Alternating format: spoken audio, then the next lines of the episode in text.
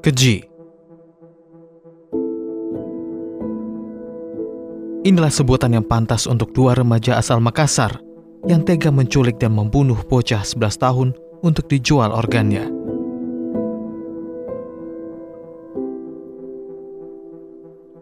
Karena terobsesi agar bisa cepat kaya dari iklan di internet, dua remaja ini merencanakan pembunuhan di rumah pelaku dengan cara mencekik dan membenturkan korban ke dinding.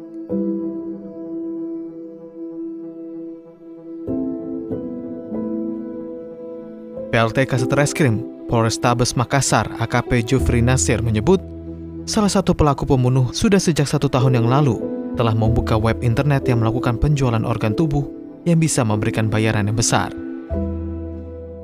Jadi eh, kami laporkan bahwa berawal dari anak ini orang tuanya dia lapor datang ke pihak kepolisian untuk melaporkan anaknya hilang. Ah, ternyata pada keesokan harinya hari Minggu itu sekitar jam 17 itu kosong waktu Indonesia Tengah. Oh, kedua teman yang memang awalnya berteman kedua pelaku ter, eh, tersebut atas nama Ade dan FS menjemput di salah satu Indomar uh, yang berdekatan tempat tinggal rumah uh, korban maupun pelaku. Uh, berawal dari itu si korban si korban diiming-imingi atau dijemput untuk membersihkan rumah pelaku dengan diimingi dibayar 50 ribu rupiah. Karena setelah itu korban dibawa ke salah satu, tem salah satu tempat di daerah Moncongloe, rumah pelaku atas nama FS itu. Uh, sampai di sana uh, mereka setuju untuk melakukan uh, pembunuhan kepada uh, korban sehingga pada saat itu juga malam hari, malam minggu, korban dia aniaya di rumah pelaku atas nama RD itu di rumahnya sampai meninggal. Setelah itu, karena mereka panik, mereka panik karena menunggu hasil uh, tentang penjualan organ tubuh yang dia tubuh apa namanya yang ada di internet, tidak ada jawaban, sehingga mereka panik dan membuang korban ke daerah Moncongloe, Kabupaten Maros.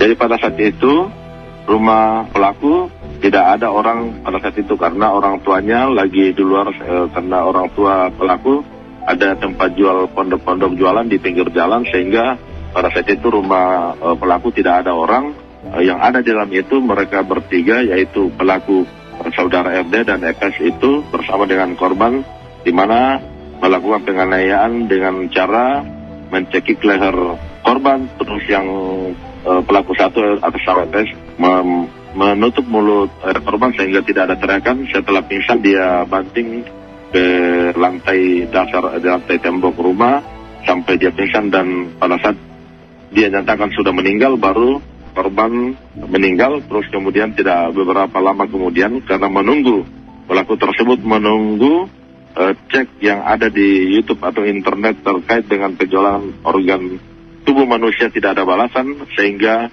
uh, ber berdua untuk membuang uh, korban ke daerah Moncongloe. Pelaku AR 17 tahun, terus kemudian pelaku FS umur 13 tahun.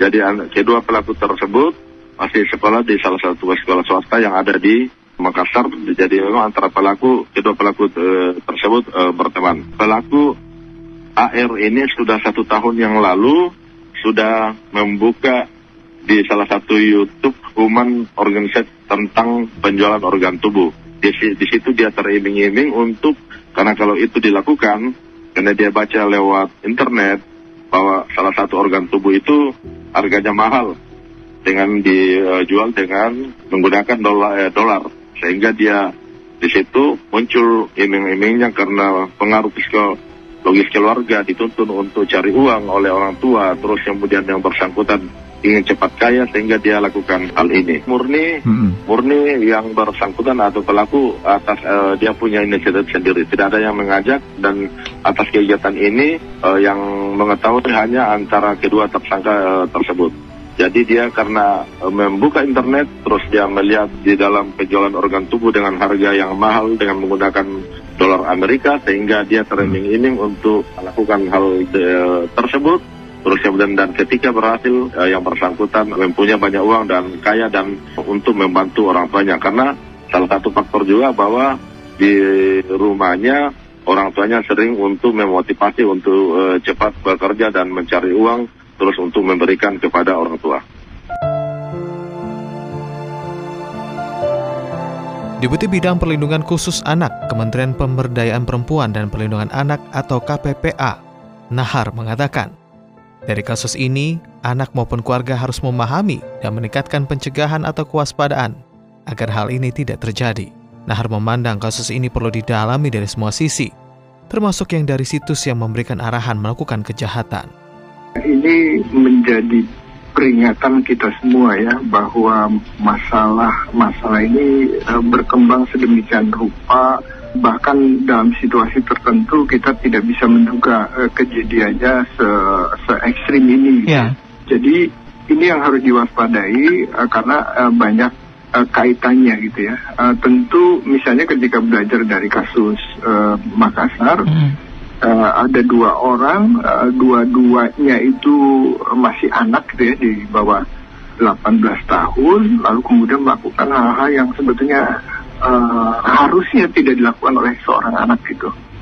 Nah, tetapi kan uh, kita perlu mendalami keterkaitannya gitu ya, bahwa kok serapu itu anak bisa termakan iklan gitu ya uh, dari sebuah situs ya sebut aja yang mengiming-imingi hmm.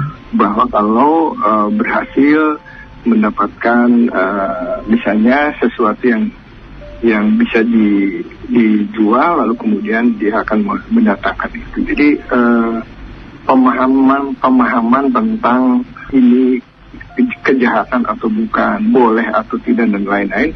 Oleh karena itu ini uh, menjadi uh, hal yang penting. Oleh karena itu maka anak dan uh, keluarga di rumah ini harus uh, memahami situasi seperti ini dan uh, tentu harus meningkatkan upaya-upaya memberikan pemahaman dan langkah-langkah uh, uh, pencegahan agar hal-hal seperti ini tidak terjadi lagi.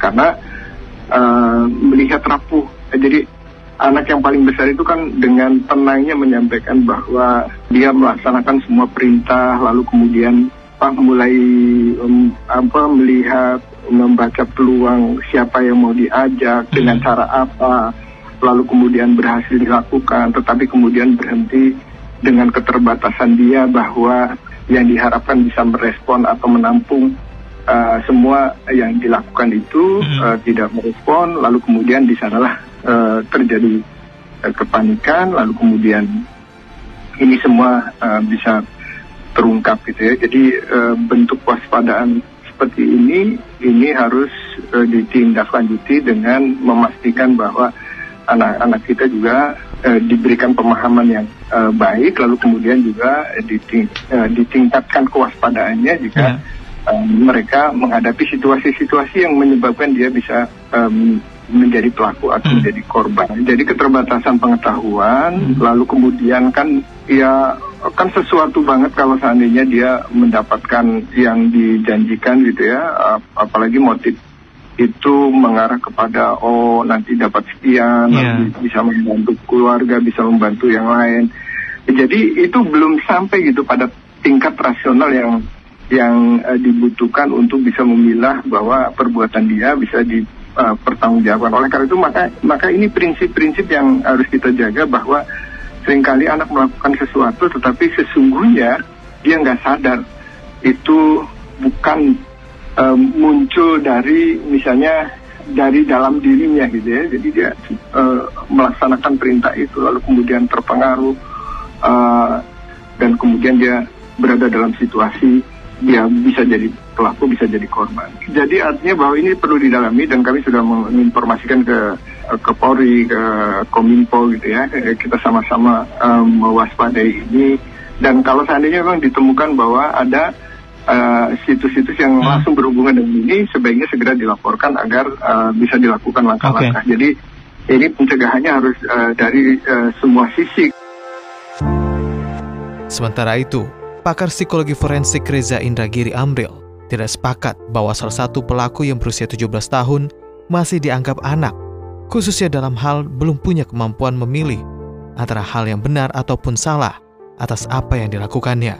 Reza memandang atas kasus ini menjadi bukti bahwa anak-anak sudah mampu berpikir tentang bagaimana melakukan kejahatan, sehingga dianggap perlu ada alat ukur kualitatif untuk menentukan apakah yang bersangkutan masih dianggap anak atau bukan.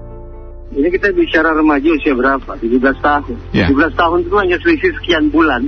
Begitu anak tersebut masuk usia dewasa.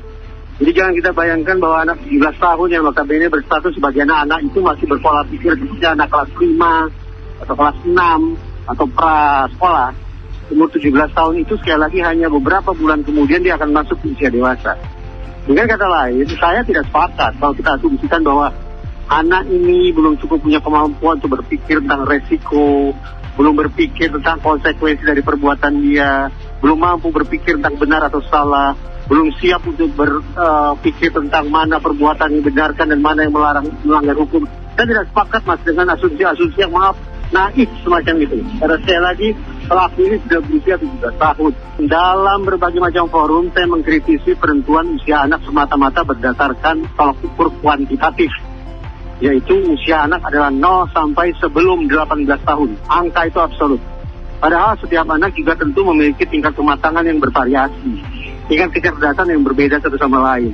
Alhasil masuk akal kalau kemudian pertimbangan terhadap usia anak itu tidak semata-mata mengacu pada angka atau pada usia kronologis, tapi juga pada usia kematangan yang harus dinilai secara kualitatif. Nah kasus yang kita perbincangkan ini menunjukkan bahwa sekali lagi anak ini secara kronologis memang masih berada pada usia pradewasa. Tapi usia kematangannya menurut saya kita tidak bisa kemudian tanda petik berlagak bodoh. Oh ini anak-anak yang masih sangat kecil, sangat belia tidak bisa mas. Saya membayangkan paling tidak dari sisi kecerdasan.